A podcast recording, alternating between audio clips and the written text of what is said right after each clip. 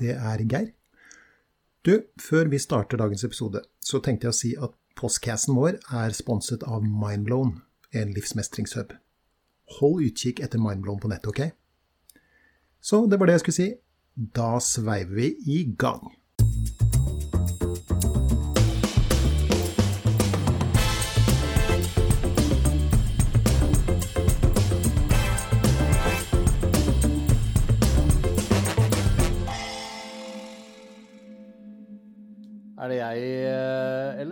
Skal ta den i dag, da?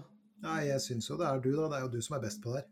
Og der var vi i gang, og hjertelig velkommen til podkasten Gi litt mer faen. The Postcastle. Ja.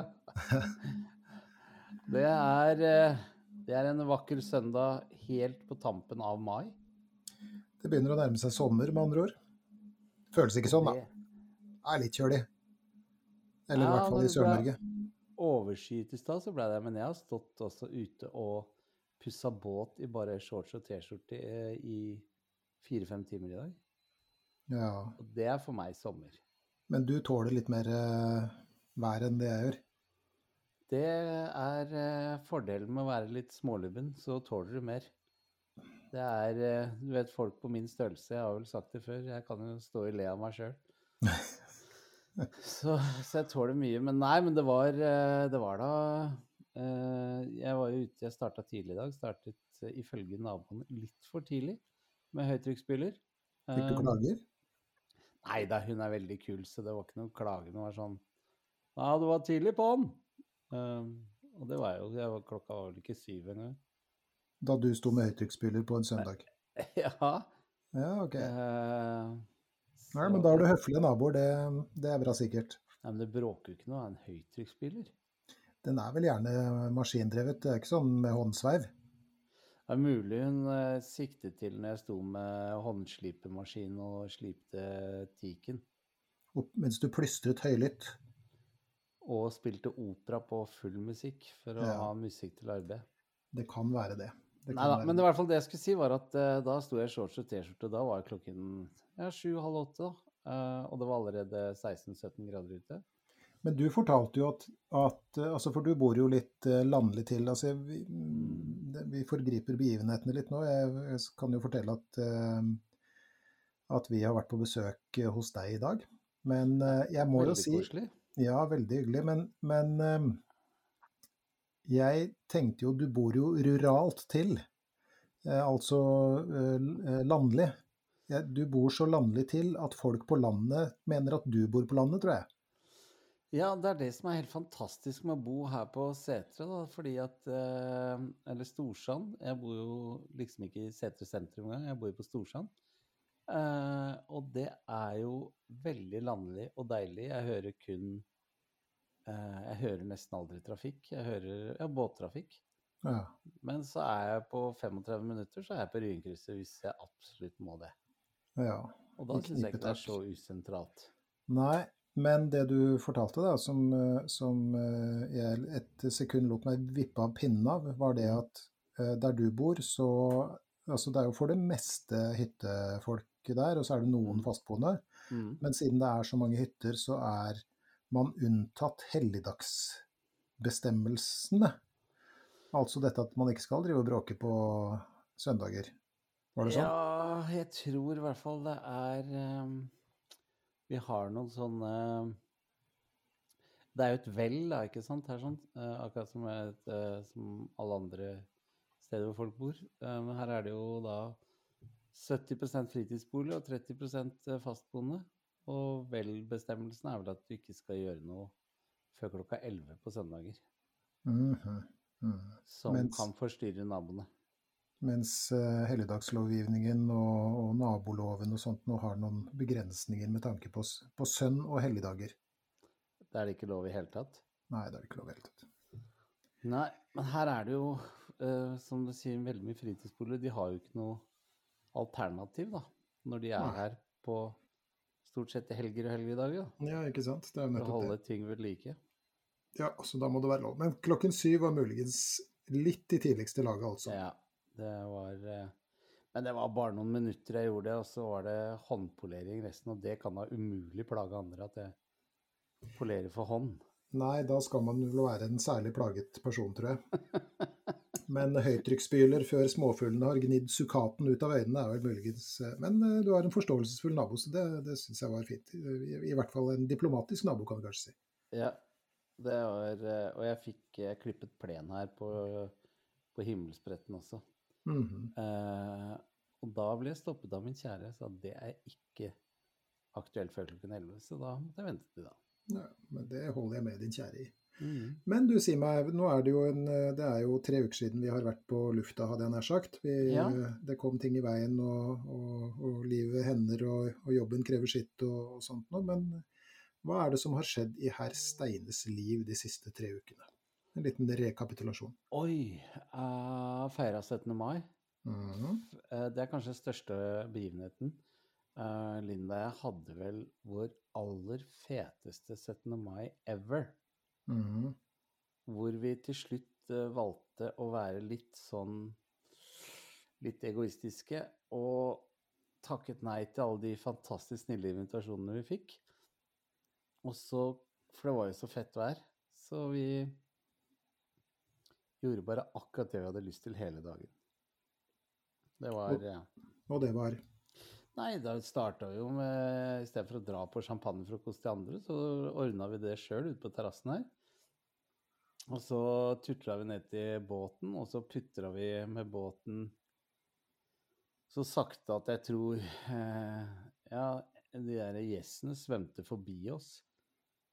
Eh, så vi putra veldig sakte. Brukte vel en time på en strekning vi vanligvis bruker fem-ti minutter på, og så inn til seteret. Der så folk litt rart på meg, fordi alle gikk jo i bunader og dresser, og der kom unge Steiner i shorts og T-skjorte og en Helly Hansen eh, marinjakke.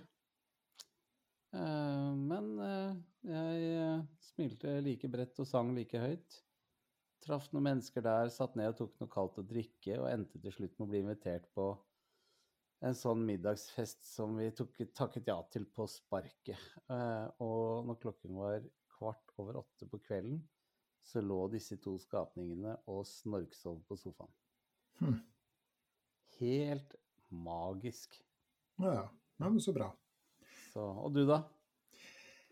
Nei, eh, Du har jo vært i Trøndelagen. det har jeg også. Jeg feira jo 17. mai først. da. Det, ingen av barna, eller ungdom, eller de unge voksne, var jo hjemme. Min datter feira jo i, i Oslo. Ja. Fikk eh, tilkjørt bunad med ferdigstrøkket eh, skjorte av eh, sin mor. Um, og eh, sønnen var jo hjemme, men han hadde jo andre ting på, på gang. Så jeg skal ikke gå nærmere i detalj på det. Nei. Men det har vel med det motsatte kjønnet å gjøre, Ja. kan man si.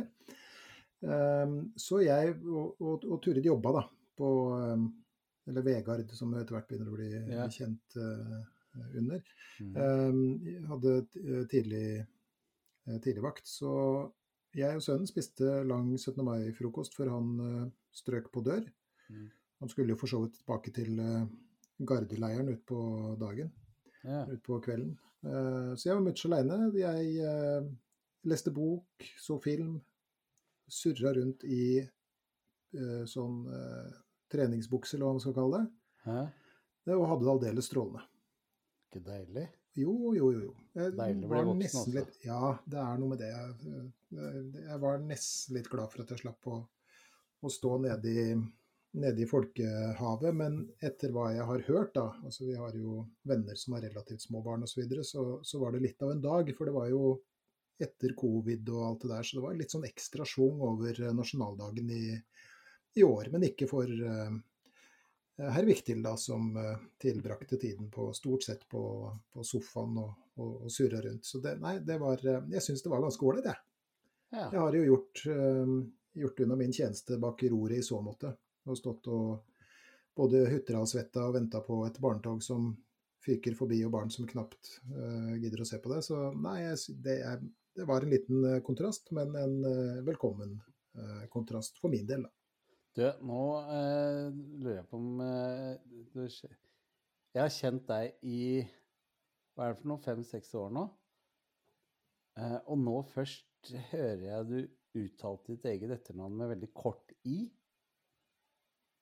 Ja, det er, det er korte i-er der. Det er nesten stum i. Ja, for du sa Viktil? Jeg sa ikke Viktil. Jeg sa Nei. Viktil. Viktil. Ja. Sånn har jeg aldri Jeg trodde det var Vigtil, jeg. Nei, nei. Nei, det, er det, det, det sier man Jo, det har jeg trodd.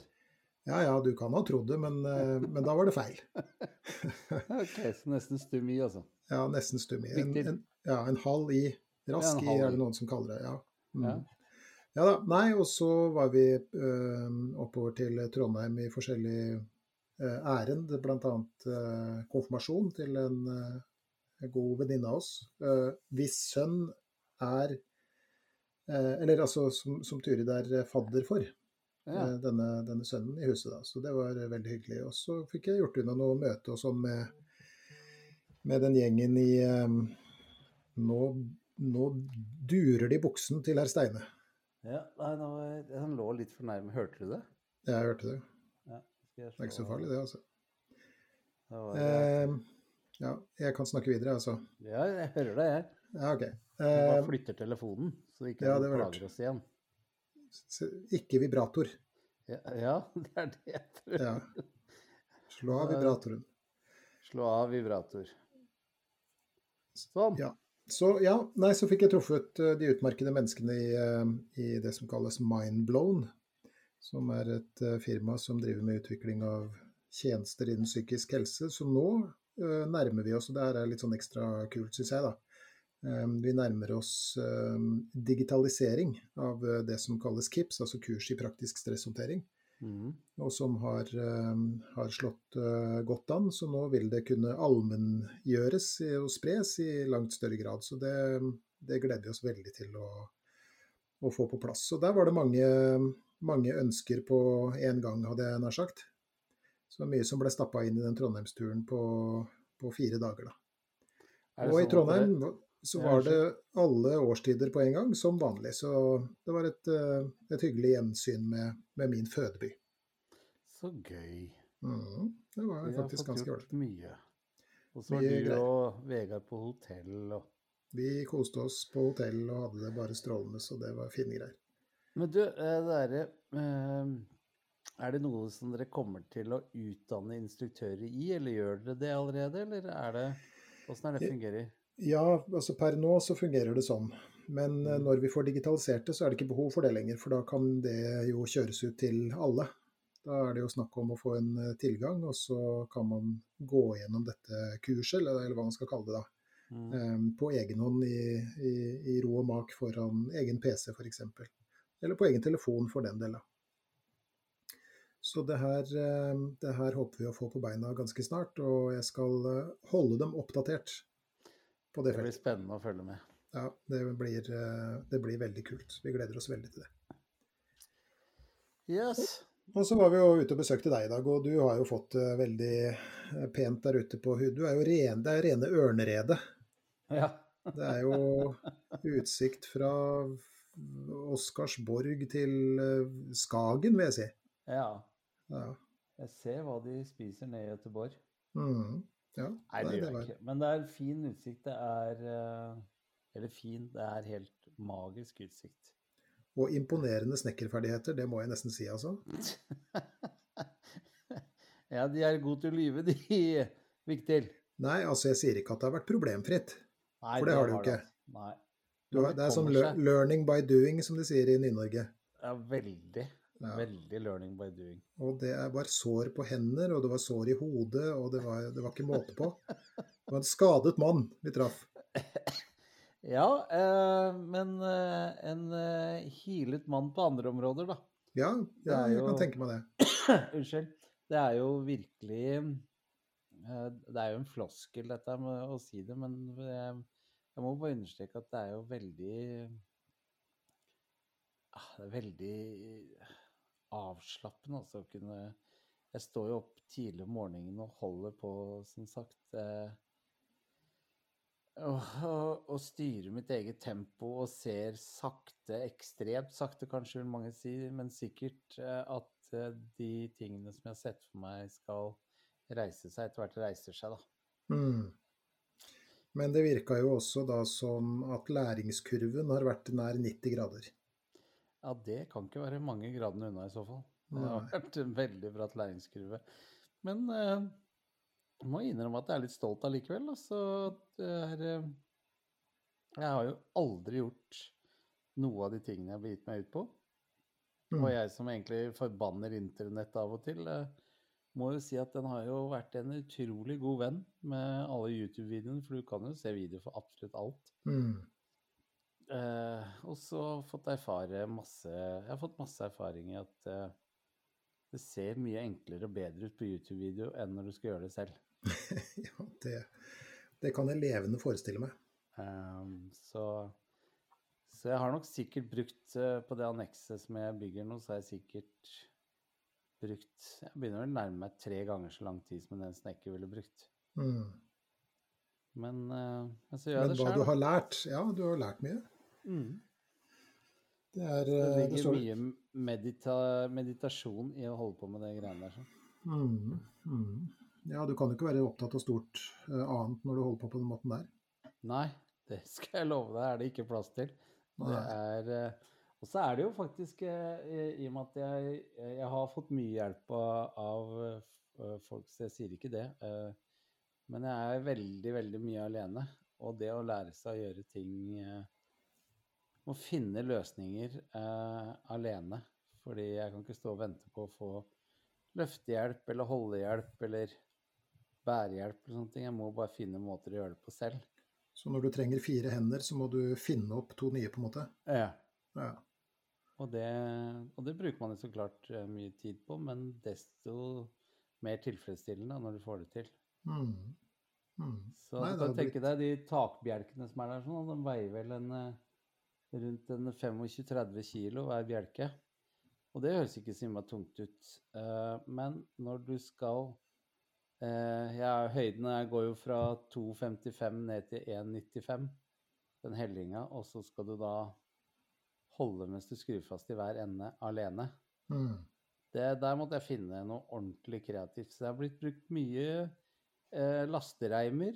Det har blitt brukt eh, mye støttelemmer. Eh, det har blitt Ja, men jeg får det til, da. Ja, det så sånn ut. Og det sto jo også ennå. Og det var jo ikke verst, bare det. Ja, det er nok eh, En snekker vil nok komme her og riste litt på hodet. Jeg tror det er litt sånn overdimensjonert. Mm. Alt eh, eh, For det er jo, jeg er jo ikke veldig sterkt plaget av snø, f.eks. her på, på Storsand. Men eh, det taket jeg har bygd, det, det har jeg bygd så det skal tåle halvannen meter oppå, tror jeg. Ja. Og det må man vel vente en stund på før det skal skje. Ja, jeg tror det. Men da er det i hvert fall gjort, da. Så det, Ja, ja. når den dagen kommer, så behøver jeg ikke å foreta noe ekstratiltak. Mm. Nei, du har vel rukket å, å, å, å måke taket både én og to ganger før, Ja. før det skulle komme halvannen meter. Det skal jeg klare å gjøre, altså. Det høres bra ut. Men du, Ja. vi er i gang med episode 67. Og vanen, vår vane tro så har vi da brukt ca. 20 minutter på, på innledningen og litt snikksakk og, og slikt. ja. Eh, men vi må vel komme til saken antagelig. Jepp. Det dreier seg altså da om episode eh, 67 av GLMF, som eh, vi kaller det blant eh, venner. Eh, og vi har da eh, atter en Jordan Peterson-episode, hans eh, bok 'Tolv regler for livet'. ved å komme til kapittel 8, eller regel 8, som det kanskje heller bør eh, kalles. Eh, og en gjennomgang av, eh, av det kapittelet. Og som vi alltid pleier å si, så for det første så er jo disse reglene en slags sånn meditasjon fra hans side, og, og litt sånn spekuleringer og hit og dit, og han bruker jo litt tid og sånn. Og det samme har vi eh, innført, at vi liksom undrer oss og diskuterer og sånt litt rundt det han, eh, han eh, skriver om. Jeg Eh, hadde vel trodd at vi skulle bli ferdig med dette, alle tolv reglene før han kom, men det rekker vi altså ikke. nei, det rekker vi ikke, og han kommer jo den 6. juni. Ja, Og da skal jo, da skal jo vi av gårde. Det gleder jeg meg veldig, veldig Ja, til. det blir, spennende. eh, det blir stas. Det blir stas. Men, men han, og, og han skal vel antagelig snakke om den siste eh, boka si, men, mens vi Mhm. holder på med det som strengt tatt er den andre, da, for den første boka hans heter jo 'Maps of Meaning'. Mm. Eh, men vi har da kommet til regel åtte, som heter 'Si sannheten, eller i hvert fall ikke lyv'. Ja. Men før det ja, for det har vi fått noe mail? Ja, det er det vi har, skjønner du. Ja, vi har det? Ja. Og det tenkte jeg at vi eh, skulle bruke litt tid på en av disse e-postene. Ja. Eh, Fordi at eh, vi får jo e-poster med Vi har ennå til gode å få ris. Ja. Og, og det, er jo, det er jo nesten litt synd, for det hadde jo vært litt gøy å få litt ris av og til også, men, men, men Nei, jeg klarer meg uten, altså. ja, du gjør det. Ja, ja, Ja. ok. Ja, jeg prøver bare å være litt sånn korrekt da, men, og litt beskjeden og sånn. Men, men det er veldig hyggelig å, å Mm. høre hvordan, hvordan denne eh, på, postcasten eh, er til glede og, og nytte eh, i det ganske land. Mm. Eh, men vi får jo også type sånn hva skal vi kalle det da? Forslag til temaer.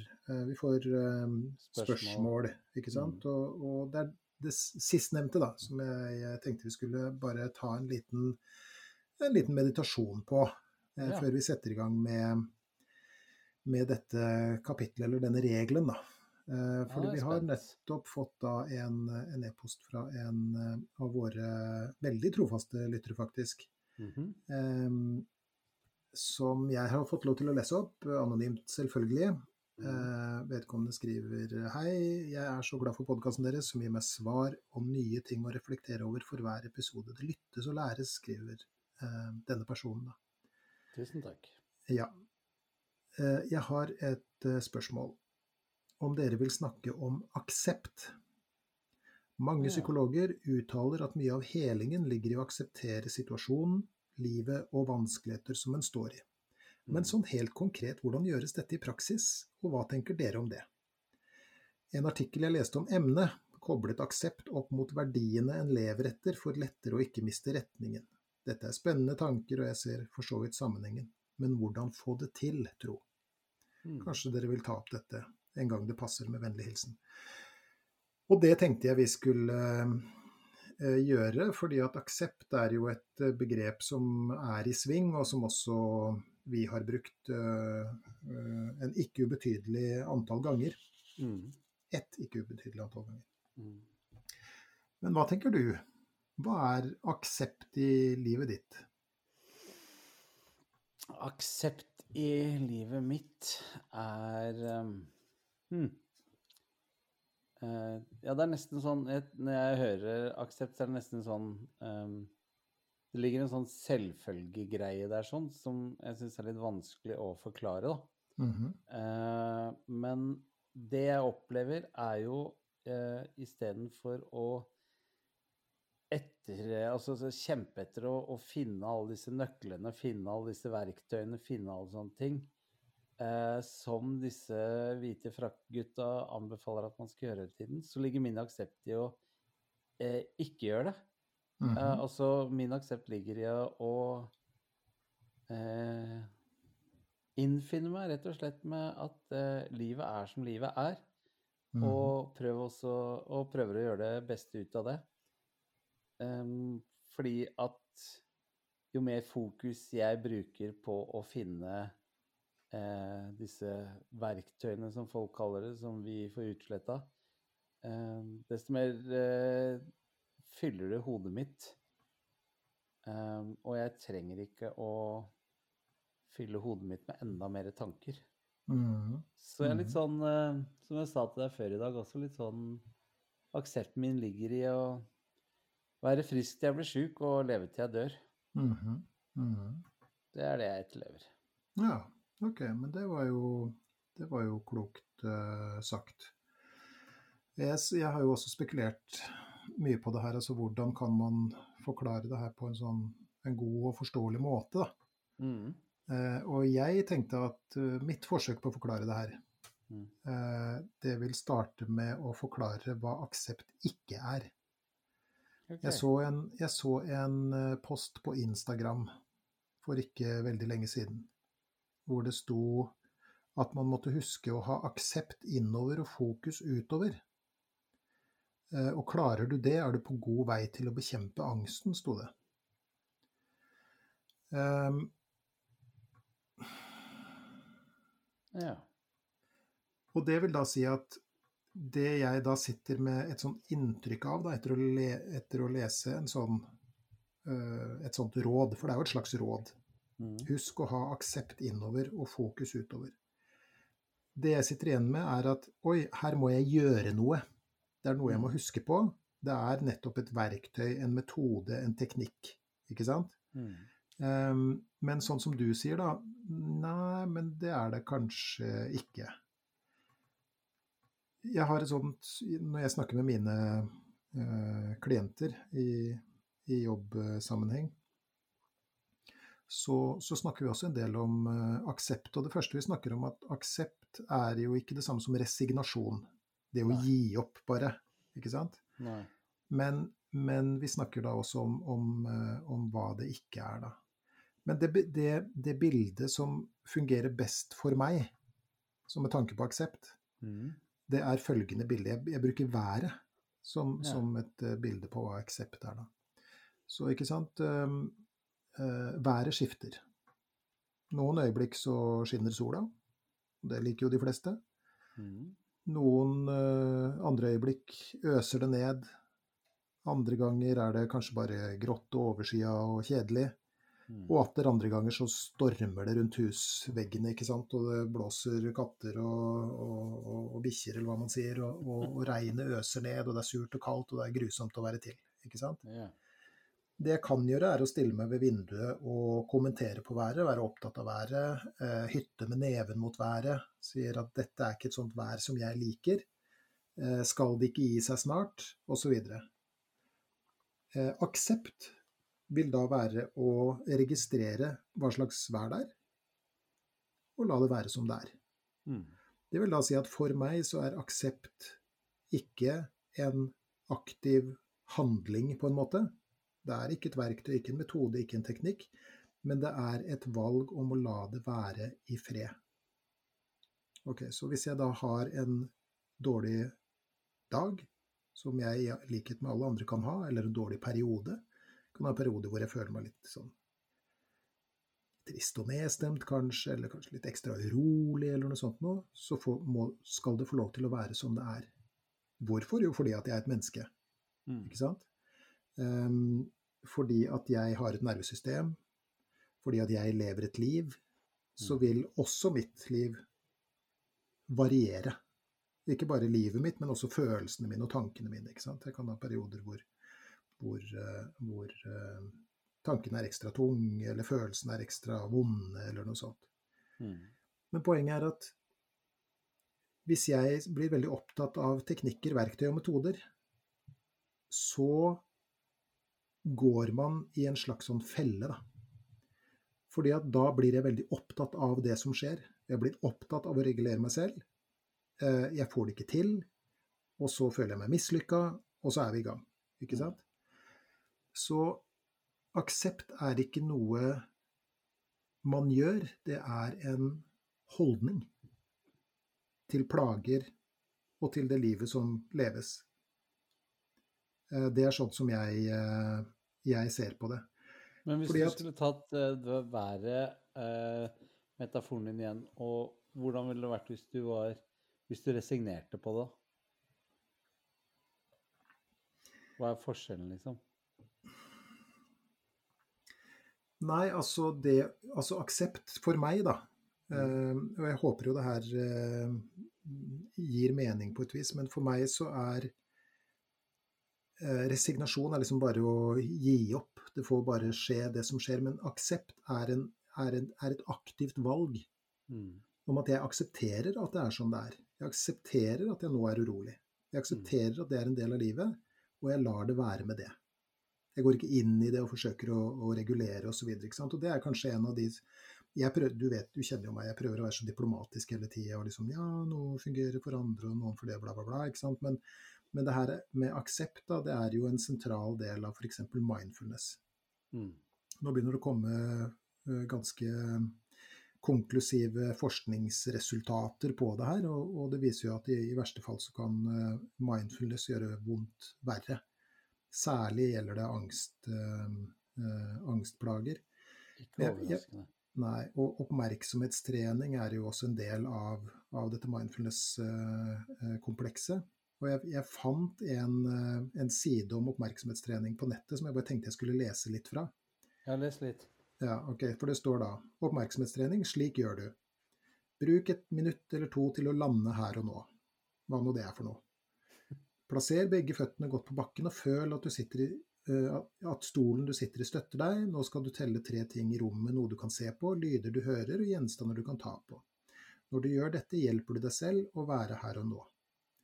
Så teller du da Jeg ser den og den tingen akkurat nå, og du teller opp tre ting av det.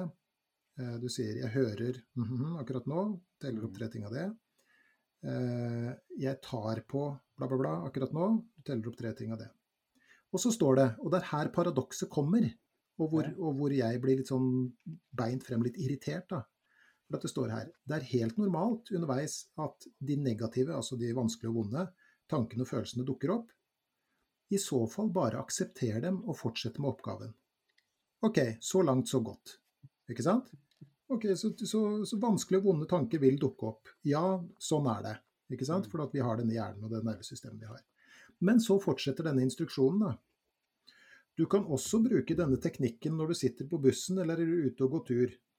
Når du merker at du går for mye inn i det negative, hjelper denne teknikken deg med å redusere negative tanker og følelser. Ok, hva betyr det? Jo, det betyr at her er det et dobbelt budskap. Mm. Man sier én, det er helt normalt at uh, vanskelige tanker og følelser dukker opp. Aksepter dem. På den annen side så sier man dette hjelper dem å redusere negative tanker og følelser. Ja, men hvilken er det, da? Du må jo velge en av dem. Mm. Enten så må du bale veldig mye med tanker og følelser, eller så må du la de være så godt du kan. Mm. Og akseptere at ja, i dag er det en sånn dag, eller nå er jeg inne i en sånn periode. Mm. I metakognitiv terapi så snakker vi om det som kalles KAS. Mm. Det skal vi ikke gå inn i nå, for det blir for, uh, for uh, omfattende å gå inn i akkurat i denne episoden. For vi skal jo i gang med litt uh, andre ting også. Men vi har jo lagd episoder om hva skal vi si, tankegangen bak MCT, som det heter. Mm. Vi har egne, egne episoder bl.a. om, om KAS osv. Med en gang du går inn for å bli kvitt noe, hvordan skal du da vite at du har blitt kvitt det? Jo, du må jo fokusere på det. Mm. Du må gi det oppmerksomhet. Hvordan skal du ellers vite at du har blitt kvitt det? Ikke sant? Men aksept handler ikke om å ha som mål å bli kvitt noe. Aksept handler om å ha som mål å leve med det så godt du kan. Mm. Der ligger på en måte kjernen i, i, eh, i aksept for meg, da. Og det er egentlig bare sikkert litt mer eh, riktig eh, formulert, det du sa, men det er jo eh, akkurat det jeg mener. Mm. Jeg syns det er, er, ganske enkelt også. Med det så mener jeg ikke at det er enkelt å gjøre det, men det er ganske enkelt. Altså enkelt, men ikke lett? Ja. ja. For meg så handler det om Det er veldig lett med, med sammenligningen min for meg, for det, for det er tilbake til det vi snakket om hvor du sier 'tenk hva du vil, men ikke tenk på'. Mm. Eh, og hvis du da får en oppgave at du ikke skal tenke på noe, hva gjør du? Jo, du tenker dobbelt så mye på det. Mm. Du tenker både tanken, og du tenker at du ikke skal tenke tanken. Det som kalles er, paradoksal tenking. Ja. Altså eh, dobbelt opp. Akkurat det samme mener jeg alt egentlig er med, med det som vi har snakka om nå også. Mm. Så mindfulness eh, det er ære være de som får til og bruker det og syns det er flott, men for meg så blir det Det virker stikk motsatt. For jeg skal gjøre så mye for å ikke gjøre. Mm. Og, da, og, da, krasjer det for meg. Ja, sånn at du sånn at, Og hvis jeg bare aksepterer det her nå, så blir jeg kvitt det. Ja. Ikke sant? Det er, jo, det, det er jo ikke aksept i det hele tatt. Nei. Dette skjer med meg nå, sånn har jeg det nå. Ja, og sånn er det. Mm. Det er aksept. Og det rare er at da skjer det noe. Og Nord-Norge har jo det der innebygd i mentaliteten sin. Mm -hmm. Det er det derre fantastiske holdningen med at vi, vi står han av. Mm. Mm. Ikke sant? Mm. De Ligger jo... litt i folkesjela? Ja.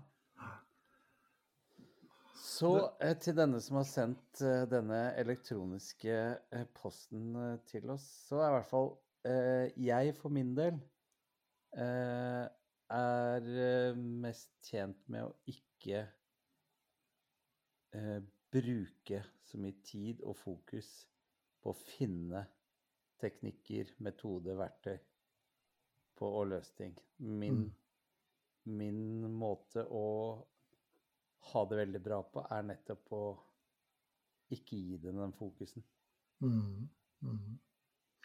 Det var kanskje det Du vet jo Ja, det er jo egentlig både det boka, showet og for så vidt denne podkasten også er har sitt, uh, sin, sitt, som sitt fundament av denne uh, Jeg tror kanskje det var en kronikk eller noe sånt, av han Per Fugelli. Mm. Hvor han skrev det som jo har spredt seg som en farsott, og som fremdeles spres. Se på Instagram og sånne ting. Altså en god resept på et godt liv er å gi litt mer faen. Mm. Det hadde han jo fra hva var det, Røst, eller hvor han Ja. holdt til, ikke sant? Mm.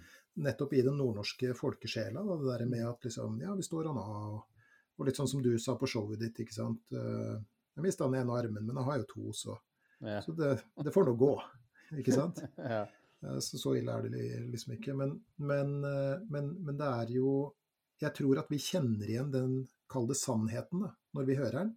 Mm. Men så skjønner vi ikke riktig hva den betyr, og, og hvordan den skal liksom omsettes i, i praksis.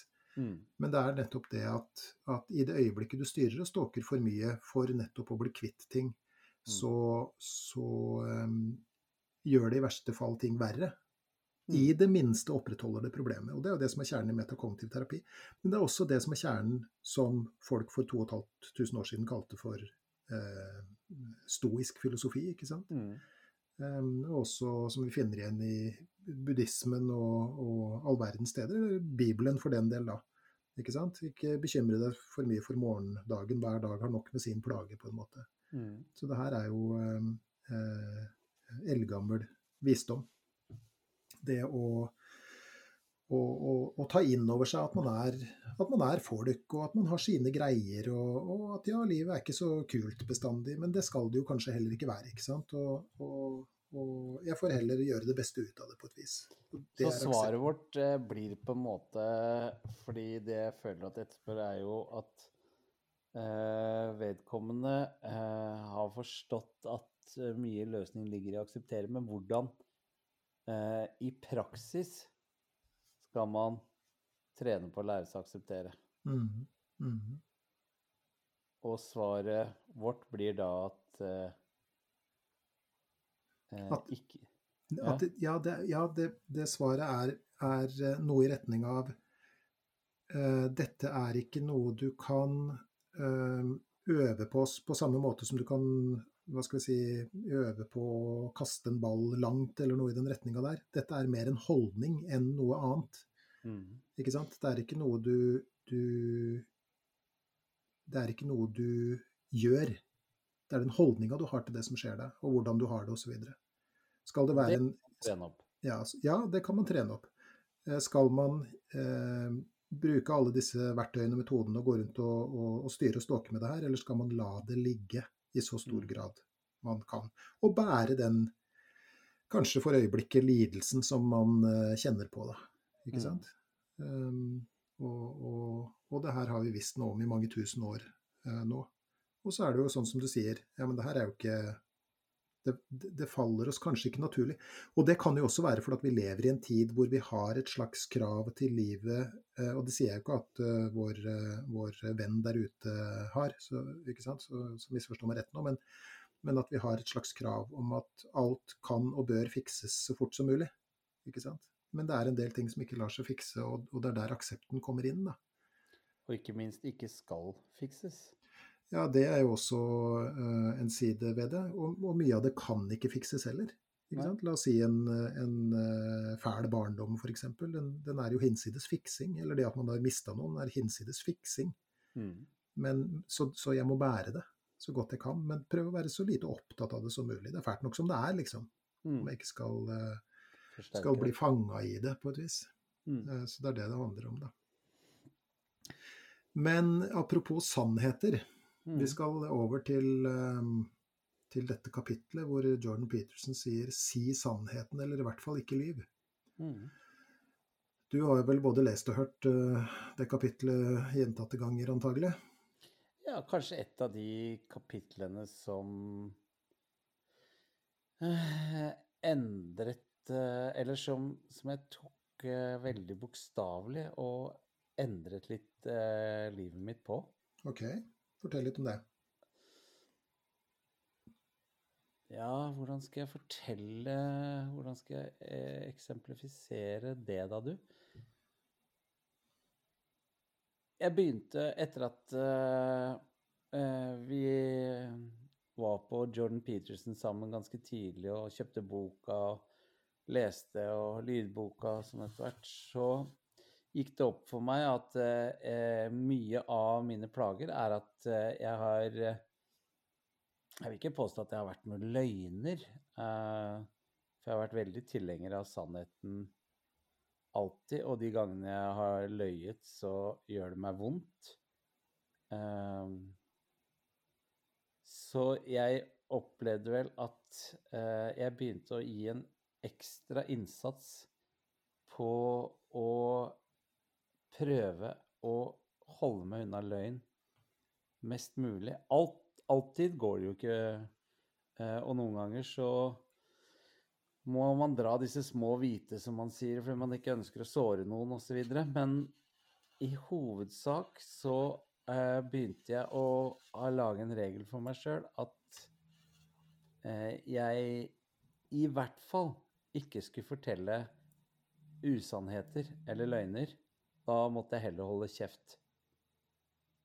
Eh, mm. og det, og det Og det var veldig rart. Og det kan være sånne ting som ja, Nå er det sikkert noen som eh, kommer til å bli sint på meg der ute, som vet hvilke episoder jeg sikter. Men jeg var en sånn type som kunne være eh, Ikke sant Skulle i møter med kunder, da, ikke sant. Eh, og så ikke like flink og disiplinert på tiden. Og skjønte at jeg kom et kvarter for seint. Så kunne jeg dra en løgn om at jeg beklager at det tok sånn tid, men det var en ulykke på motorveien så jeg ble stående i kø. Som ikke var sant. Mm. Uh, og, og, så møtte jeg meg sjøl i døra, for at jeg, denne kunden var så fornøyd med og, og, eh, jobben jeg gjorde osv. Så, videre, så det tok to år, så bestilte de meg på nytt igjen. Til noenlunde lignende sånn kundearrangement. Og nok en gang kom jeg for sent. Og jeg dro den samme løgnen med Eh, trafikkulykke, kø, jeg kom for sent. Og så ble jeg konfrontert på det. Mm -hmm. Og jeg har aldri følt meg så liten og så dum, tror jeg, noen gang i livet som da. Eh, for jeg huska jo så klart ikke at jeg eh, hadde dratt den løgnen til de to år før. Mm. Og det er det som etter hvert begynte å bli et kjempeutfordring. For at hvis du skal lyve, så må du ha så sinnssyk hukommelse at du vet nøyaktig hva du har løyet om til enhver tid. Mm. Og det deiligste med å ikke lyve om noe Og det her er jo ikke noe stor greie, men det er en dum greie, spør du meg. Mm. Men det deiligste å kun fortelle sannheten er at du bør ikke huske det. Mm. Og det blei en sånn derre starten på eh, en ting som fjernet et stressmoment i kroppen min. Mm. Men altså, i, i, kulturen vår, da, hvis vi ser mm. på, på, på, kulturen vår sånn samla sett, så, så, sier vi jo til barn at de ikke skal lyve, ikke sant? Det er jo noe de fleste foreldre legger eh, stor vekt på, i, i, hvert fall hvis man har en, et visst eh, gang, gangsyn, mm. eller hva man skal kalle det. Uh, masse i vår kultur handler om at det er feil å lyve. Altså, vi har jo ja, det er jo nesten sånn at de fleste både filmer og teaterstykker og bøker handler om folk som vikler seg inn i løgner, og du ser at ting rakner for dem og, mm. eh, og sånt noe. Og det åttende bud, eh, ikke sant. Ja, Pussig nok det samme som det, den, den åttende regelen hans. da, Kanskje han har gjort det med vilje. Jeg tror ikke det er pussig, jeg tror det er Ja, du tenker at det er bevisst? Ja. ja. Men det åpne bud sier også at du skal ikke lyve, eller du skal Hva er det det står som opprinnelig, eller i en av de eldste oversettelsene er vel noe sånt, du skal ikke bære falskt vitnesbyrd overfor de neste, eller et eller annet sånt som det her. Ja. Men så er jo spørsmålet hvorfor forteller vi barna våre at det ikke er bra å lyve, at du ikke skal lyve. For det er jo, det er jo litt lurt. Nei, er det det? Ja, så det er jo en slags sånn eh, fribillett, da. Get out of jail card. Men vet du hva jeg opplever? Jeg opplever at løgn hovedsakelig har en veldig kortsiktig gevinst, Mhm. men aldri langsiktig. Mm. Uh, og at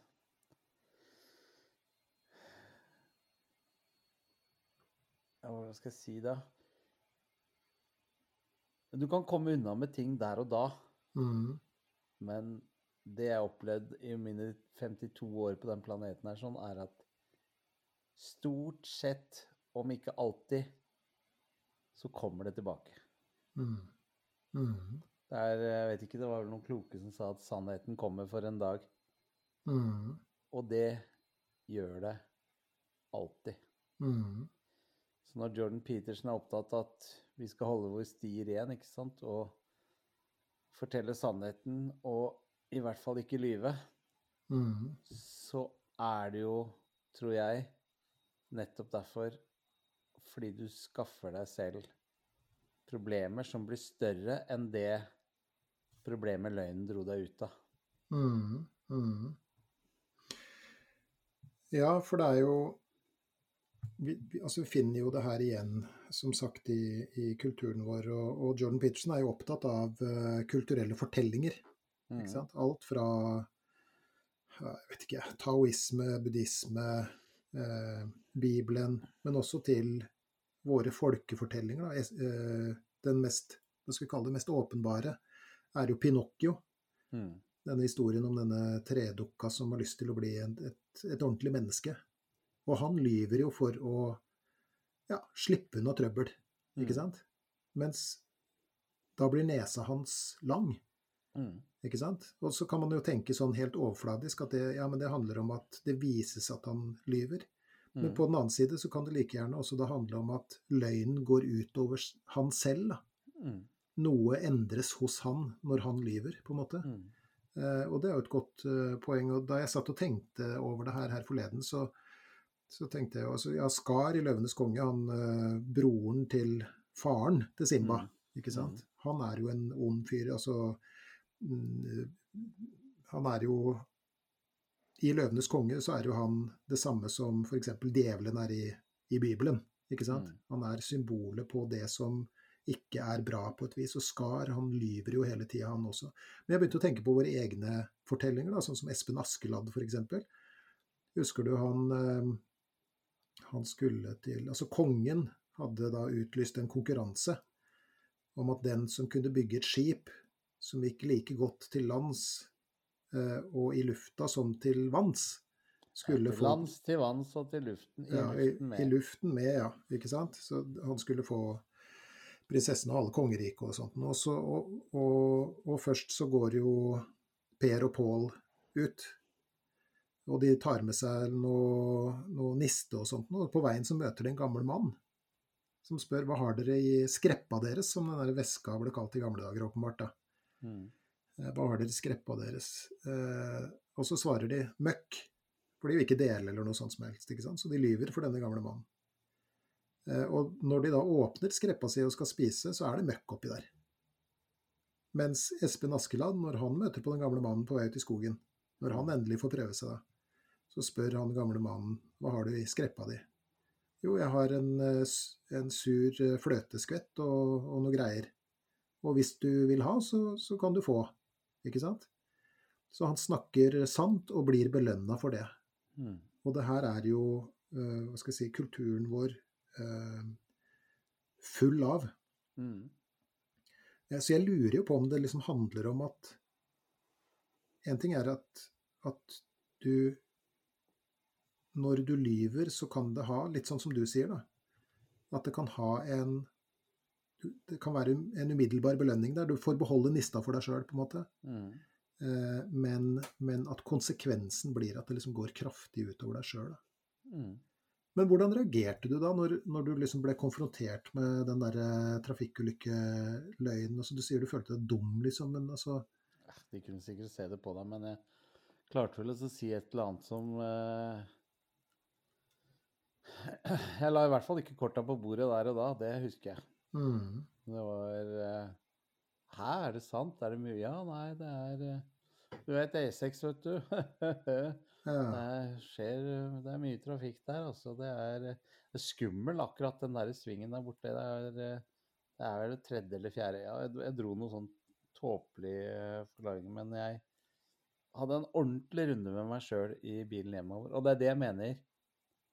Første gangen jeg dro den løgnen, så hadde jeg en kortsiktig gevinst. Jeg Mm. slapp unna med at de forsto hvorfor jeg var forsinket. Mm. Som er en filleting. Mm.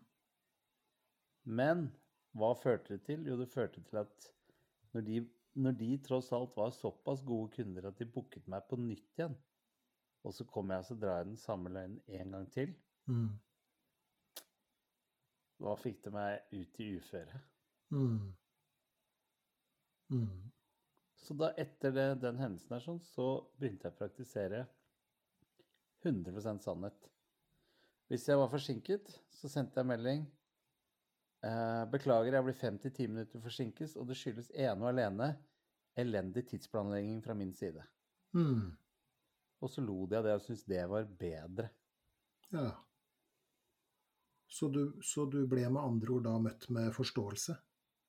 Ja, for det er jo menneskelig å, å, å planlegge. Altså, jeg etterstreber virkelig å komme tidsnok. Mm. Jeg vet hvor irriterende det er å sitte og vente på, på folk som avtaler en tid, og så, og så dukker de ikke opp til den tiden. Så jeg etterstreber så klart det. Mm. Eh, men eh, de gangene jeg ikke klarer eh, å, å gjøre det, så sier jeg akkurat sånn som det er. Og det har aldri ført meg opp i problemer. Men er det ikke litt skummelt, da? For man, man blottlegger seg jo selv eh, lite grann. Altså, det skyldes ene og alene at jeg er elendig til å planlegge. Da, da, da man, man kler seg jo litt sånn, misforstå meg rett, naken et lite øyeblikk der og stiller seg laglig til for hogg, som de kalte det i gamle dager, da. Men da sitter de der, og er de oppegående eh, mennesker, da, så tenker de ah, eh, så han er eh, rett og slett vanlig. Mm. Mm. Jeg har også planlagt tid for dårlig, eller ting tar lengre tid enn det gjorde. Ta deg, ta deg i dag. Du, du brukte lengre tid til å kjøre hit enn det du hadde trodd. Mm. For du har aldri kjørt hit før. Mm. Det gjør jo ikke deg til noe dårligere menneske eller sånt for det der. Nei, jeg håper du, ikke hadde, det. du dratt, hadde du dratt en løgn om at eh, Nei, det, det, det ene hjulet punkterte, eller et eller annet sånt noe. Så har du begynte begynt å balle deg inn i en historie, og så skal du huske det. Må huske det. Eh, notere. Nå har jeg brukt punktert hjul. Løgnen på Tommy, den kan jeg ikke dra en gang til. Altså, ikke sant? Du, Mm. Men, men ja, OK, så Når noen Når noen er ærlig mot deg på den måten, da mm, Du sier jeg sorry, ass, men eh, det her var så dårlig planlagt fra min side, og nå er jeg kvarter forsinka. Mm. Gjør det noe med deg, at du får Nei. høre det? Jeg synes det er Ja, det gjør noe med meg positivt. Ja, hvordan da? Nei, det er eh, Jeg opplever at eh, de er akkurat like menneskelige som meg. Da. Mm. De kan gjøre feil. Og så Ja. er de ærlige og innrømmer den feilen. Der og da, og så er man ferdig med det. Betyr det da, og dette er jo tidenes leden, mest ledende spørsmål, at sannhet bygger tillit mellom folk, på en måte? Du, det har jeg ikke helt svaret på. Jeg tenker jo, jeg tenker jo det, ikke sant? Også, så bakgrunn av, klart. ja, det gjør jo det, ikke sant? Fordi at, Selvsagt. ja, fordi at det du forteller nå, gjør jo at man fremstår som menneskelig selv Mm. eh, for andre. Og da kan den som er i mottakerenden av en forklaring som f.eks. går på at vet du hva, i dag så surra jeg så mye at eh, jeg, liksom, jeg kom for seint, og det er min skyld. Min egen skyld. Ikke sant? Jeg feilet. Det, jeg tenker jo at det også er en lettelse for den andre å høre. Ikke sant? Å oh, jøss, ja. Så det går an.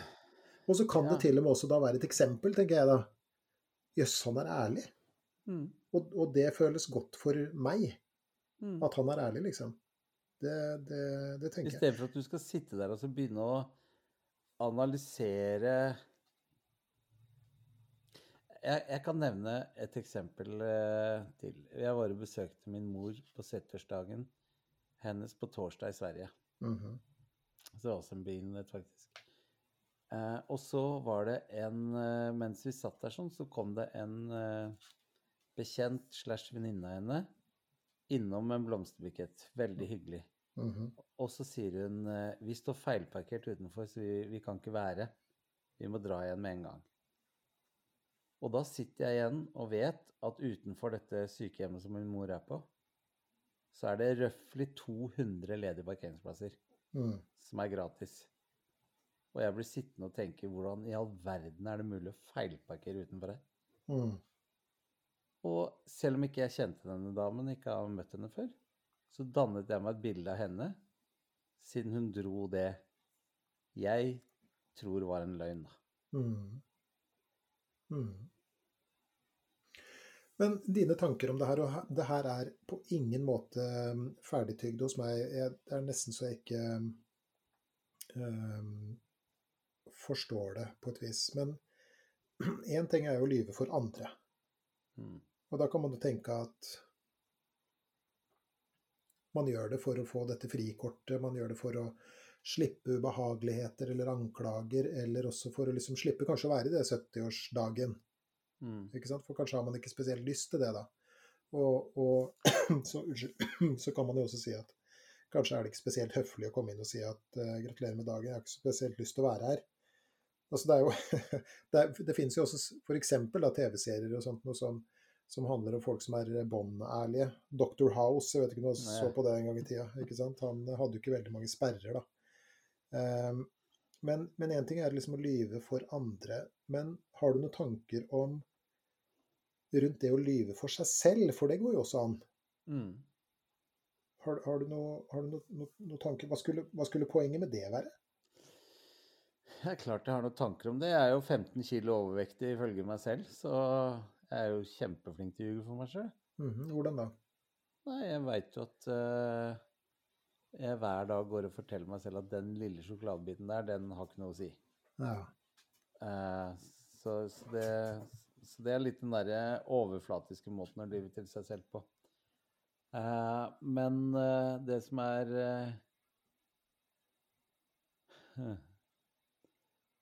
Det som jeg syns er verre eller tyngre eller vondere um, å lyve om til meg selv, er um, hvordan jeg uh, kan påvirke andre mennesker. Mhm. Hvordan da? Nei, hvis jeg uh, Jeg kan si noe ting som uh, kan være sårende for andre mennesker. Som alle andre kan gjøre. Eh, hvis jeg da lyver til meg selv og sier at eh, dette her er ikke mitt problem, det er den som hører det sitt problem. um, så er det en løgn som eh, jeg innerst inne vet ikke stemmer. Mm. Og jeg kunne unngått å si den tingen, eller gjort den tingen, eller ment den tingen eh, i den eh, sammenhengen. Og så lyver jeg til meg selv for å lette på min egen samvittighet. Mm. Men du gjør ikke det, vet du. Mm. Du sørger bare for å ha enda en ting til som kan kverne opp i huet. Mm. Så da høres det med andre ord ut som at hvis du lyver til andre, så går det utover deg selv. Og hvis du lyver for deg selv, så går det også utover deg selv. Til syvende og sist så faller det tilbake på deg. Ja. Høres ut som en dårlig deal. Ja, men så har du disse hvite løgnene. Jeg vet egentlig Vet du historien bak hvorfor det heter hvite løgner? Jeg har ikke peiling. Nei, ikke jeg heller. Hvite løgner har jeg Nå håpa jeg at du hadde en sånn supergod historie som jeg ikke hadde hørt før, men nei, nei. Nei, det er du som er den kloke av oss, så jeg spurte deg, for du hadde sikkert eh, visst eh, hva det var. Um, men det kan vi jo google og legge ut en link etterpå, Ja. vi finner ut uh, hva det er. Men hvite løgner, da. Mm. I motsetning til sorte løgner. Sorte løgner. Så uh, opplever jeg at noen ganger så lyver jeg for å skåne andre mennesker. Og av en eller annen rar grunn, når det er den eneste motivasjonen min Så selv om jeg ikke føler meg super, så føler jeg meg ikke like Så er det ikke like vondt som når jeg drar en svart løgn. Mhm. Mhm. Det her kjenner jo altså For eksempel Hvis eh, Nei, det er jo det gamle klassiske hvis eh, din kjære kommer inn i en eh, kjole eller en bukse eller en bluse eller noe sånt og spør hva du syns, og jeg ser tydelig på henne at dette syns hun er råstilig, Mhm. så er det ikke alltid jeg klarer å si at det der så du veldig gammel uti, eller tjukk uti, eller uh, trøtt uti, eller Ikke sant? Mm. Da kan man lett si ja, den var, den var fin. Den, den kledde du. Mm. Selv om jeg kanskje ikke nødvendigvis mente at hun kledde den. Ja, ok. Um, og da føler jeg meg ikke så råtten når jeg bruker det på den måten. Nei, nei. Men, men hadde det da gått an å sagt noe i retning av Jeg personlig er ikke så glad i den kjolen på deg, men hovedpoenget er at du liker den selv. Mm. Eller er ikke det innafor? Jeg, jeg vet ikke åssen ekteskap du har, eh, Viktor, men eh, Nei, jeg, jeg ja, jeg, jeg, tror tror har ganske- eh, jeg tror ganske mange er med meg når de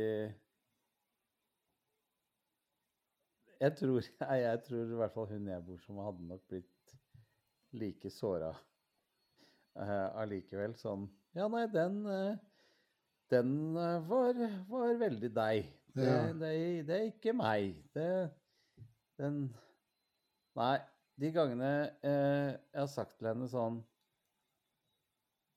Vet du hva, jeg syns det er noe annet som er mye finere på det. mm.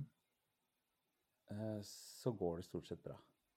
Men ja, ja, ok, vi skal ikke henge oss opp i det, øh, det punktet her.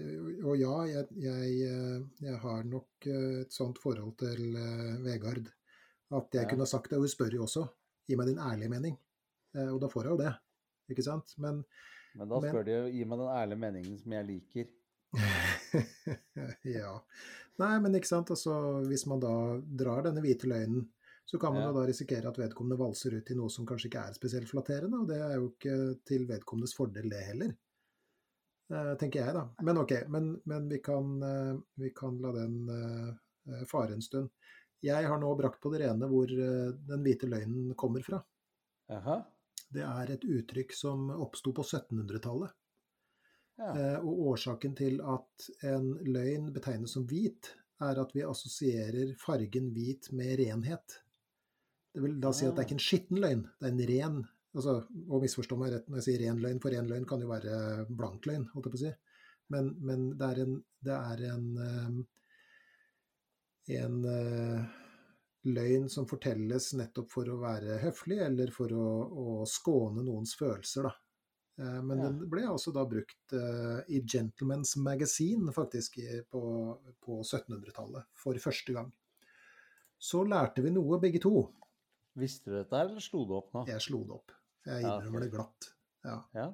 for, ja jeg bare testa om du, du skulle dra en hvit en nå. ja, ja, ja. Men det gjorde du altså ikke. Nei, det gjorde jeg ikke. Det er sant. Nei. Ja, nei da. Jeg uh, googlet. Og det er jo, uh, det er jo lov. Men du, en ting til når du snakker om det temaet til, til, uh, til Peterson også, som jeg tenker, og som, som du og jeg også diskuterte en gang. Jeg tror det har også et videre begrep, den regelen, enn at vi ikke skal lyve. Ja, eh, fordi at i den engelske i, den, i originalteksten, holdt jeg på å si, altså Mm. den opprinnelige betydninga, så, så sier han eh, 'speak the truth'. Altså snakk sannheten, ikke sant? Ikke Mm. bare, ikke, ikke bare si det som er sant, men snakk sannheten, og det er jo noe, noe annet. Um, han refererer bl.a. til uh, dette uttrykket som på engelsk heter 'the truth will set you free'. Sannheten vil, vil, vil sette deg fri, eller vil frigi deg, da. Som er nevnt i Johannes evangelium, og, og oss som står på ja, ironisk nok kanskje, vil noen hevde, da, står på den opprinnelige CIA-bygningen som et motto. Og også er mottoet til en god del både universiteter og fakulteter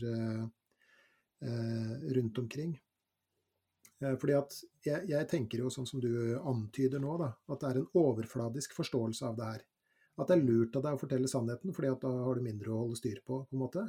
Mm. Men også at det handler om sannhet i en videre betydning. Og det bruker jo Jordan Peterson en del tid på i sin, hva skal vi si, sin vane tro, hvor han snirkler rundt og, og spekulerer fram og, og tilbake. Han, han, refererer jo til nettopp dette med at, at uh, sannhet er er viktig mellom mennesker for at vi liksom skal kunne ha tillit til uh, hverandre. Og at samfunnet i stor grad er, er, både avhengig av og basert på ærlighet. Da. Dette er jo, mm. det er jo et, et besynderlig faktum. Um, da de etablerte Jeg lurer på om det kan ha vært eBay. Mm.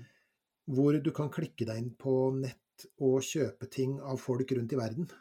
Mm. Ikke sant? La oss si jeg har et jeg vet ikke, lommebok fra 1930, og den har jeg lyst til å selge på eBay.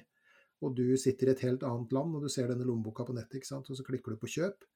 Eh, og da var man bekymra for at jeg da skulle sende deg en eske med småstein, og du skulle sende meg en sjekk som det ikke var dekning for.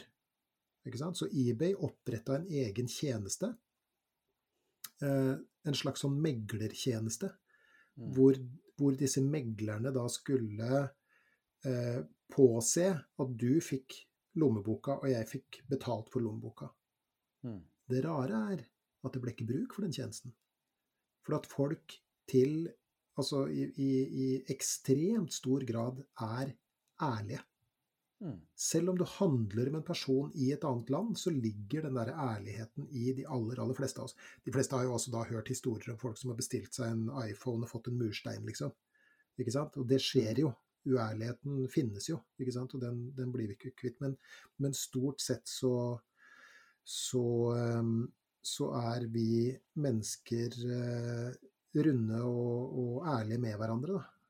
Uh, og og det her med sannhet det oppfordres jo også i terapirommet f.eks., som jeg er øh, kjent i. Og, og, jeg oppfordrer jo mine klienter til å snakke sant, fordi at, fordi at hvis min klient sitter og holder igjen noe, hva, hva, hvordan i huleste skal vi få jobba sammen da? Nei, det. Og det samme gjelder jo andre veien. Mm. Hvis jeg sitter med, med, hvite løgner og glatter over ting og ikke sier meninga mi osv., som vedkommende, altså i den grad vedkommende etterspør det, selvfølgelig, mm. da er det jo heller ikke et genuint forhold oss imellom. Og dermed blir hele relasjonen For det er jo en relasjon mellom en klient og en terapeut ja, ja. også, på samme måte som det er mellom venner eller mellom barn og foreldre, eller ikke sant? Eller mellom arbeidsgiver og arbeidstaker og sånt noe. Men, men hvis, hvis, både jeg og, og, klienten min sitter og, og ljuger og holder ting tilbake, for det er også en, en form for løgn, da. Mm. Ikke sant? Det å underslå sannheten, på en måte. Eh, da, da, da, får vi ikke noe, noe eh, bevegelse Du kommer ingen vei? Vi kommer, vi kommer, eh, vi kommer ingen vei. Men du, jeg kom på en ting når du sa at samfunnet og land er veldig avhengig av sannhet. Mm. Eh, det kan oppfattes som en digresjon, men bær over med meg. Eh, fordi eh, for noen et par år tilbake så var det en utro tjener i Drammen kommune, mm. i byggavdelingen der sånn, som godkjente byggsøknader mot betaling under bordet. Mm. Og jeg tror eh, det var snakk om eh, til sammen eh, rundt én million kroner. Mm. Altså ikke noe sånn gigastort beløp, spør du meg, men det er tross alt én million. Når hun ble tatt, så ble hun dømt til, jeg mener å huske, syv år og åtte måneder fengsel. Eller syv år og ni måneder, nesten åtte års fengsel. Mm. Eh, og så i, i samme momentet så leste jeg om eh, en som hadde eh, utført blindvold og skada en, så han er 70 ufør. Mm. Og han ble dømt til to år og to måneder fengsel. Så ble jeg så fryktelig opp... Altså, jeg ble, ble rett og slett forbanna. Hvordan kan det være sånn at hvis du skader et annet et liv, så er det nesten ikke noe straff?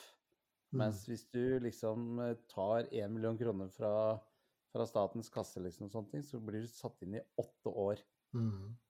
Og så vil jo skjebnen til at jeg kjenner eh, en og annen som også jobber i politiet. Da. Her er det en, en sånn halvveis bekjent av meg som jobber i Økokrim. Og så nevnte jeg dette her sånn Fy fader, hvorfor er det så himla strengt, det greiene? Og da sa han til meg at eh, vi kan godt diskutere straffeutmålingen for at en som skader et annet menneske, er for lav. Det kan jeg være enig i. Men at straffen for underslag eller korrupsjon, da, at den må være så høy, det er jeg veldig, veldig enig i. Mhm. For hvis ikke, hvis systemet vårt, hvis samfunnet vårt, hvis myndighetene våre eh, faller, faller, eh, faller under for korrupsjon, så har vi tapt. Da er det ikke Mm. mulig å få et samfunn til å fungere. Og det ser vi jo mange eksempler på rundt omkring i verden.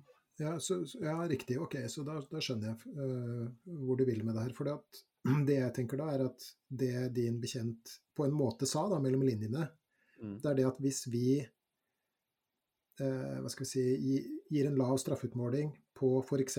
økonomisk kriminalitet, så oppfordrer vi til uærlighet. Oppfordret til uærlighet. Ikke bare det, men vi belønner det på et vis. Ja. Ja, mm. ja nei, men det Og henger jo på at- grep. Og at samfunnet, når du sier da at stat og samfunn sånn er Det er nødt til å være sannhet og ærlighet der sånn. Ja. Hvis ikke så kan det ikke fungere. Ok, men da skal jeg komme med min egen digresjon. Ja, fint. Eller ikke digresjon, men ok, det er et kanskje et sidespor, eller det ligger i hvert fall tett opptil, da, sånn som jeg ser det. Men, men la oss nå si at en uh, forsker Mm. gjør noen særdeles upopulære funn. Mm. Ting som man ikke som det ikke er populært å snakke om, f.eks. Mm. La oss si at et bestemt samfunnssegment er overrepresentert på en eller annen statistikk, eller bla, bla, bla. Hva som helst, ikke sant? At menn er sånn, eller kvinner er sånn, eller et eller annet greier. Mm. Jeg må jo si at jeg blir litt engstelig for på sannhetens vegne i vårt samfunn. Mm. Fordi at det er så mange som møtes med raseri. Ikke sant? I det, I det øyeblikket de forsøker å fortelle noe hva skal vi si, som de enten da har målt eller funnet, eller noe sånt noe, og så møtes man med en slags harme. En Mm. krenket harme på et vis. Eh, og så trekker de seg.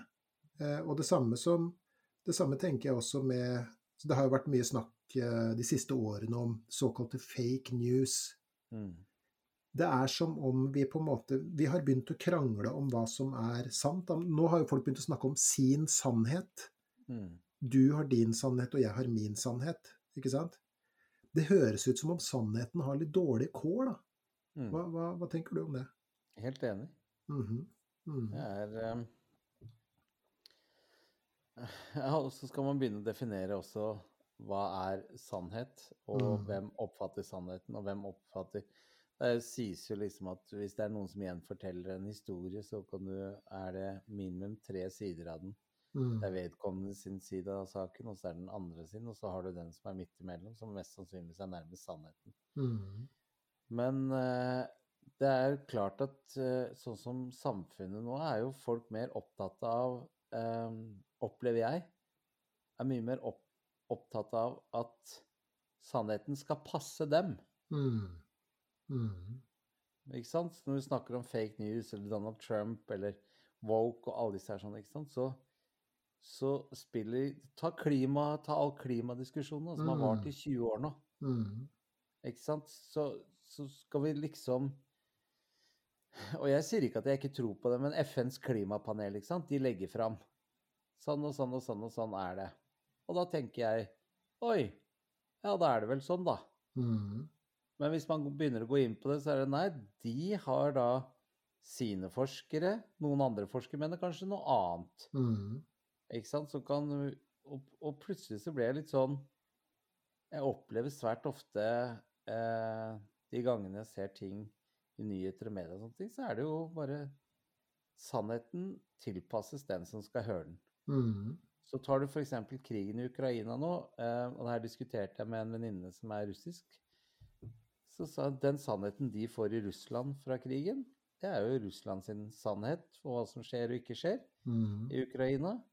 Mens Ukraina og hovedsakelig vi i Vesten, vi får vite den sannheten. Mm. Og det var vel du som sa til meg at det første offer i enhver krig er sannheten. Mm. Ja, det, og det er jo en, en eh, Da siterer jeg jo en som jeg ikke kommer på. Det kan det være George Orwell eller et eller annet greier. The first casualty of war is the truth. Ja. Ja. Eh, fordi at det, det gjelder å det gjelder å eie, eller å dominere narrativet. Greie å, Mm. å få fram sin versjon av det som, eh, av det som skjer. ikke sant? Og, og det, det visste jo bl.a. Goebbels, som sa at hvis du gjentar en løgn ofte nok, så blir den en sannhet. ikke sant? Mm. Det er noe vi tror på. Og jeg må jo også si at i mine sånn mørke stunder, altså, um, så tenker jeg sånn ja, Vi har jo en tendens til å tenke på Ja, russere de får jo sin informasjon gjennom de russiske nyhetene. Det er propaganda, ikke Mm. sant? Eh, Nord-Korea de har sine nyheter, de, det er propaganda.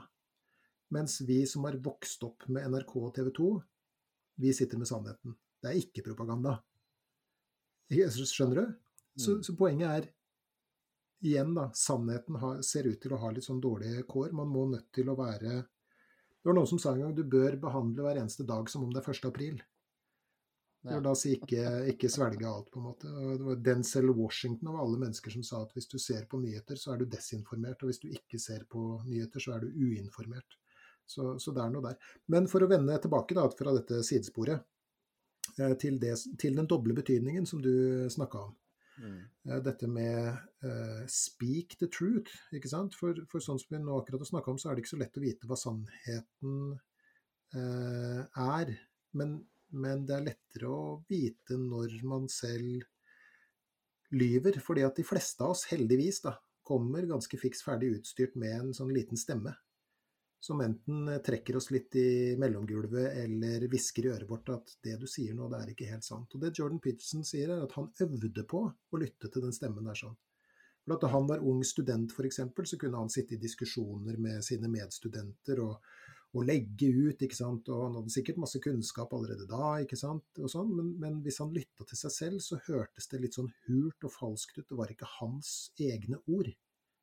Nei. Og han mener at det er en slags uh, løgn, det også, når vi bare liksom spyr opp det som egentlig er andres meninger og andres tanker. Og det er der den der doble betydninga kommer, og det er der det kanskje den der litt sånn dypere betydningen av nettopp denne regelen Mm. kommer inn. da.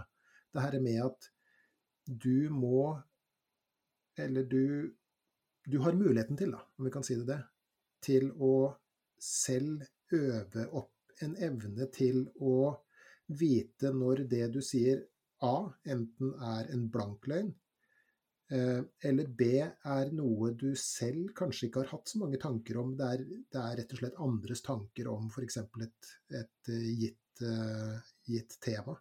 Mm. Han, han går jo så langt som å si at man blir veik av å lyve i den doble betydninga. Mm. Man blir også veik av å bare spy opp andres uh, meninger. Man mister um, respekten for seg selv. Um, uansett uh, om man vil eller ikke, på et vis. Da. Og selvrespekt, det å ha respekt for seg selv, Mm. uh, det er, uh, det er viktig, viktig for oss. Og det opplever jeg nok dessverre at uh, Jeg syns det er kanskje mer av det Ellers er det jeg som har blitt eldre og oppfatter det mer enn eh, før, men jeg syns det er mer og mer og mer av Altså Det blir etablert en mening på Instagram, og så tar folk den som sin egen. Mm. Og jeg har argumentert med mine barn og argumentert med venner, og, og så, kjenner jeg, så kjenner jeg igjen De ordene der er ikke dine. Mm. Og jeg har helt sikkert gjort det mange ganger sjøl også selv. Å ja. Eh, men, eh, men eh, da får jeg en sånn bismak i munnen. Eh, så det er vel sikkert det han sikter til. Det er det han, han sikter til. Og han snakker jo bl.a. om, altså om dette med nettopp selvrespekten. da. Ikke sant? Han, han tenker at det er hult enten da å lyve og eller å, å bare gjengi andres meninger uten at man egentlig har gått kritisk inn i det og tenkt grundig gjennom det og, og, og gjort det til sin egen, på en måte. Ikke sant? Liksom Integrert i seg selv. da. Og han, han, han gjør en sånn terapi eh, han, han drar en sånn eh, parallell til terapirommet. Hvor, hvor eh, han sier, og dette er også min erfaring selvfølgelig, altså det som ofte skjer i terapi, er jo at man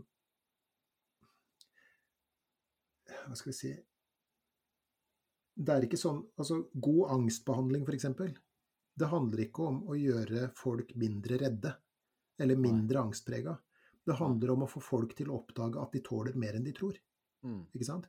Og når du oppdager det, så øker selvrespekten. Mm. Da, da øker troen på at du er en, en, eh, en aktør istedenfor en observatør, på en måte. En som bare Mm. er med som en sånn passasjer da, Mm. på, på livet, men man, man sitter litt sånn i fører, uh, førersetet. Og, og, og aktører, de kan forandre verden. Men det må være dine tanker og dine erfaringer og ditt levde liv som ligger til grunn for det du, uh, det du formidler, på en måte. Og det er det han mener med, å, med når han sier på engelsk, da. Så, og, og den dobbeltbetydninga, den, den blir jo litt sånn lost in translation, som det heter. Mm. Speak the truth, ikke sant? Um, Men tror du ikke det er ett lag til også? Jo, det er et lag til, fordi at hvis man ikke sier sannheten, eller at man i det minste ikke prøver, da, så kan man faktisk bidra til å gjøre verden verre. Mm. Vi traff jo hverandre i dag. Eh, Jeg ga deg en vi, hadde jo en, vi har jo en avtale om at du skal lese Viktor Frankel, og at vi skal ta en Mm. sånn eh, Tommy leser-episode om en stund, når du Mm. får hodet litt over plankene uh, ute i hagen din. Eh, men, men, eh, men så bomma du litt på, på boktittelen, så, så du endte opp med en lærebok i logoterapi, noe som eh, jeg forsto Ja, jeg bommet, ja. Ja, ja, Det var sånn det var. Ja. ja, Ja. ja. ja nei, jeg hadde en annen oppfatning, men greit. Hva, og jaså, hva var oppfatninga di? Hva var oppfatninga di, da? Ja, du sendte meg jo tre-fire meldinger. Nei, forresten, han heter det. Nei, forresten, han heter det. Ja, men da skulle du hørt på den siste meldinga. Men uansett, uansett, jeg hadde den boka hjemme, så, så den ble over, eh, overbrakt i dag. Men det, men det er altså da selveste Viktor Frankel som, som skal ha sagt at, eh, og det her er litt sånn halvkomplisert, men jeg skal forklare det, ikke-autentisk eksistens er forløperen til sosial totalitarianisme. Eh, Og hva betyr det? Jo, det betyr det at hvis du ikke speak the truth, da, i den doble og kanskje til og med triple betydningen av, av eh, ordet, Mm. så, så baner du vei for det totalitære. Altså at, Mm. at noen tvinger sannheten ned på ikke bare deg selv og de rundt deg og samfunnet for øvrig, men, men verden, på en måte. Eh, litt som, eh, som ja, bl.a. både kommunistene og nazistene eh, holdt på med, og som andre ismer er i full gang med i dag, sånn som jeg ser det. fordi at hva skjer hvis ingen sier ifra? Og, og, og hva betyr det? Jo, det betyr det at det å ikke si ifra, det å ikke si sin mening, er også en form for løgn. Mm. Det å holde noe inne er også løgn, da Mm. er den, den brutale dommen, både fra, fra Viktor Frankel og fra eh, Jordan Peterson og andre, ikke sant. Altså, og, og det er jo, sånn som jeg ser det, et ganske godt poeng. Veldig godt poeng. Men i, i eh, Jeg beklager at jeg må ty til eh, det engelske hele tida, men det, det er bare der de, de gode begrepene ser ut til å, å fødes akkurat nå. Men de kaller det the post-truth era, ikke sant? Hvor vi nå begynner å forvirres over hva er nå egentlig sant og ikke. Mm. Eh, vi har media som sier én ting, det kommer kanskje en forskningsrapport som sier noe annet, eh, osv. Så, videre, så så blir den, eh, den forvirringa ganske, eh, ganske stor, da. Så jo, jo, det var det som var poenget mitt. Jo, i, i the post-truth era, da, så, så kan omkostningen av å si sin mening, for det er det som ligger i det med å speak the truth, på en måte, eh, den kan bli ganske stor. For at hvis du da går mot det som er folkeopinionen i la oss si det landet, i dette tilfellet Norge, ikke sant? Mm. Eh, og, og, hvis du har en sånn kontrær mening, f.eks., eller noe sånt, så blir du fort ganske Eller du blir ganske fort eh, eh korsfesta, på et vis. Vi har jo ikke lenger gapestokker i Norge, men, men jo. jo. vi har jo det. Vi flytta dem fra kirkebakken og inn i avisredaksjonen, ikke sant. Og for så vidt ut på sosiale medier. Ja, ikke sant. Ja. Så, så, og kanskje da er det lettere å enten holde kjeft eller å lyve. Ikke mm. sant? Og si nei da, jeg, jeg, tenker ikke sånn, eller jeg mener ikke dette, eller, eller noe sånt. Men, men, men, det har skjedd før. Ikke være feig, burde det egentlig stått da. Ja, men så, men, men så, kan man jo også samtidig si ja, men hvem er vi som sitter her, du og jeg nå, i våre behagelige stoler og, og ja, Vi er en av de som ja, er for feige. Ja, ikke sant. Det, det, ja. kan, det, kan, man jo si. Du jeg, du jeg, snakker jo om ting off air mm. uh, som vi ikke snakker om on air. Ja, vi har, kan om, ganske heftige diskusjoner. Omkostningene ved å hele tiden skal si akkurat din mening om det, så, føler man noen ganger at Eller man tenker noen ganger at omkostningen blir for store, det er bedre å holde kjeft. Mm, mm. Og det her, var, det her er ganske Jeg kom på det er veldig rart. Jeg gikk på folkeskole for 48 år siden. Og der gikk jeg sammen med en elev som var fra Belfast. Mm Eh, og da var det jo mens det var på det verste mellom, eh, mellom eh, eh katolikker og ikke-katolikker og Orange og ikke i Belfast og krig og drap og IRA og eh, Så han sa at eh, det var veldig farlig å si sin mening i den konflikten her sånn. Mm. For du kunne bli drept. Mm. Og så sa jeg ja, men er det ikke da bare lurere å ikke si det? Og bare holde kjeft? Og da sa han til meg, det er veldig rart at jeg husker det ordrett i dag, så sa han It's better to die on your fate than live on your knees. Mm, mm. Og det er jo, der hører vi jo ekko av en selvrespekt, da. Ja. Eh, og det er jo betydelig modigere folk enn oss som har gitt livet sitt for det de Eh, de, ja, for det de tror på, for det de står eh, for, for det de mener. Ikke sant? Mm. Um, og, og, og, historien er jo full, full, av dem. Men for å oppsummere, da. La oss si alle tre nivåene. Mm. Og for å bruke litt av det som unnskyld, som, som, Jordan Peterson eh, skriver i dette kapitlet. Han skriver at en løgn er den lille dråpen kloakk i et glass champagne. Eh, og at det hele starter i det små, altså på, på det personlige planet. Altså du blir flinkere og flinkere til å lyve. Men virkeligheten er større enn deg, sier han. Den vinner alltid.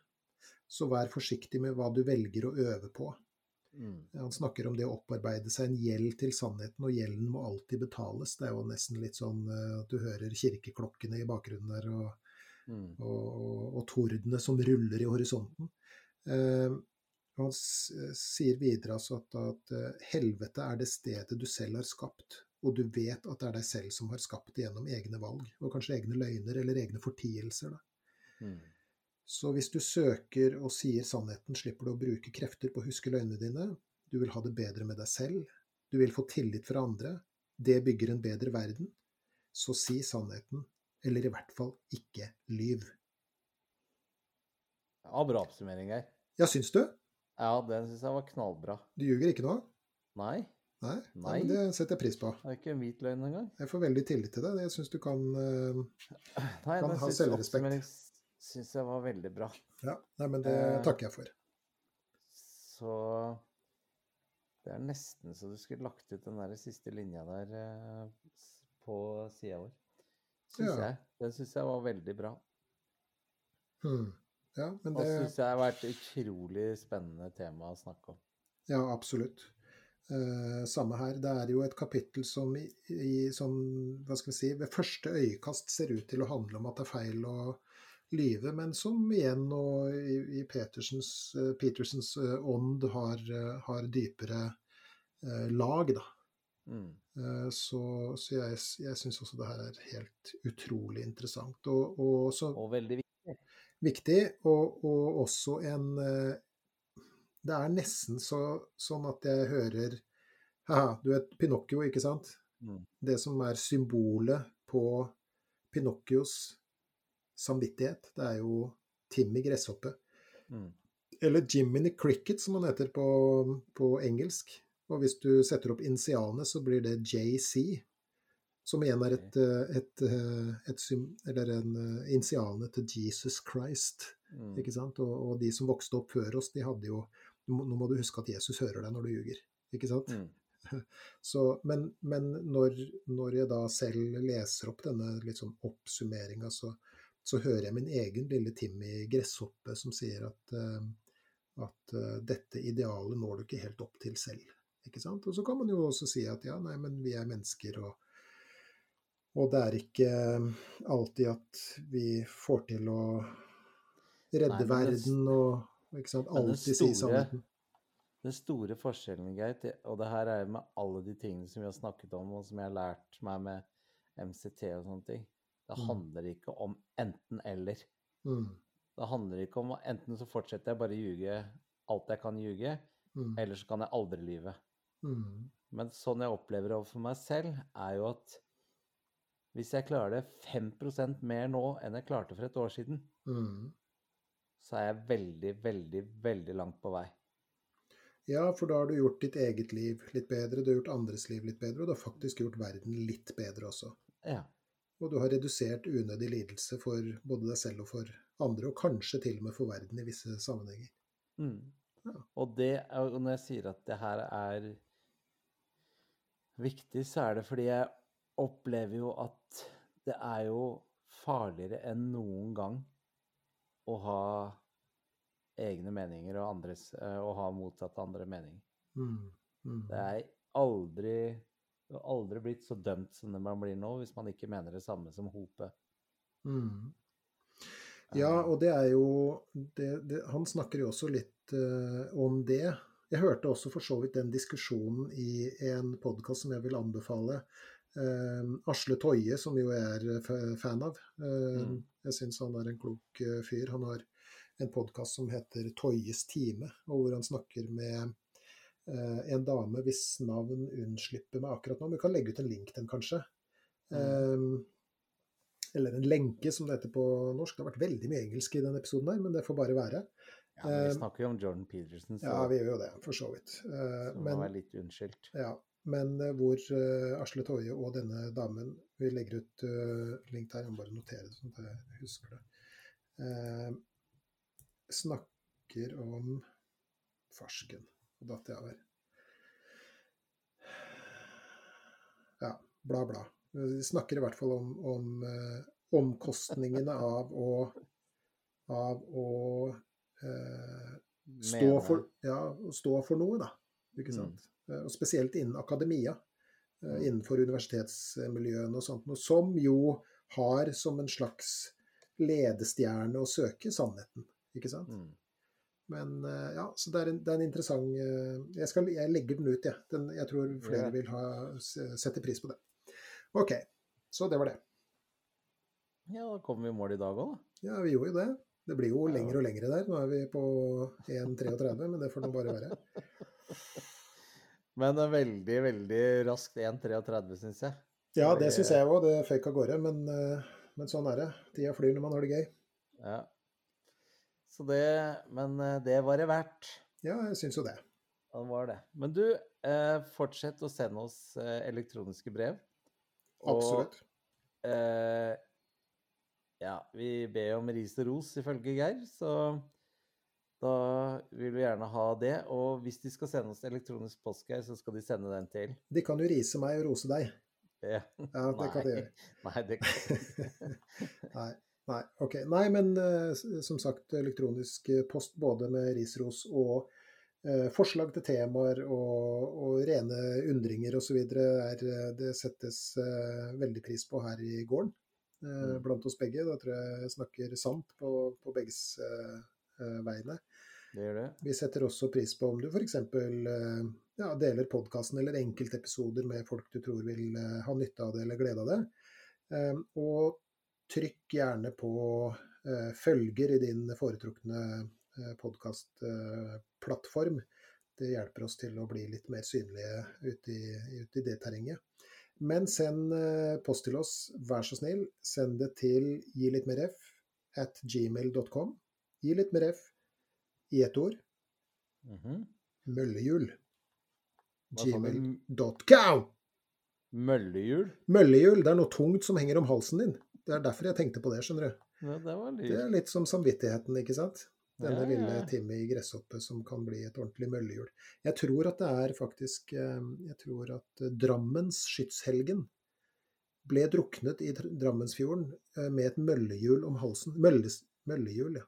Var det ikke det? Ja, det kan jeg sjekke etterpå. Ja, Samme det. Sankt Halvard, kan det stemme? Du som bor i nærheten av det, det er Oslo, det, da. Er det, er det Oslo, det? Mm. Tror det var Drammen. Det er kanskje Kanskje han ble drukna i, i Drammen. Vålerenga synger i hvert fall om Sankt Halvards menn. Så, Det det, ja. mm. Ja. Men er du hørt om det møllehjulet Møllestenen? Jeg visste at det har blitt brukt. Men uh, nei. Nei. Der må du rett og slett uh, google, Geir. For nå, nå er jeg ærlig og sier at jeg ikke Jeg kan jeg ikke si hvor jeg har hørt. Nei. Jeg får Eh. veldig tillit til deg når du, når du sier det. Så bra. Ja. Men det er sannheten. Så da får vi google det og legge ut eh, det som en liten lenke. Det kan vi også gjøre. Du, du, vi, ja. du skal få lov til å snekre videre. Jeg ser at det fremdeles er dagslys eh, bak deg, og det er jo ikke verst bare det. nei, det Så det er mulig at det blir en er spiker eller to. Fantastisk på den tiden her av året, da. Så ja, varer jo dagene veldig mye lenger. Ja, Kjempebra. Og takk for at du elskur, da. valgte å tilbringe litt tid med meg i dag. Takk i like måte. Så ses vi om et par uker igjen, da. Snakkes plutselig, vet du. Vi gjør det. Greit. Ha det. Ha det.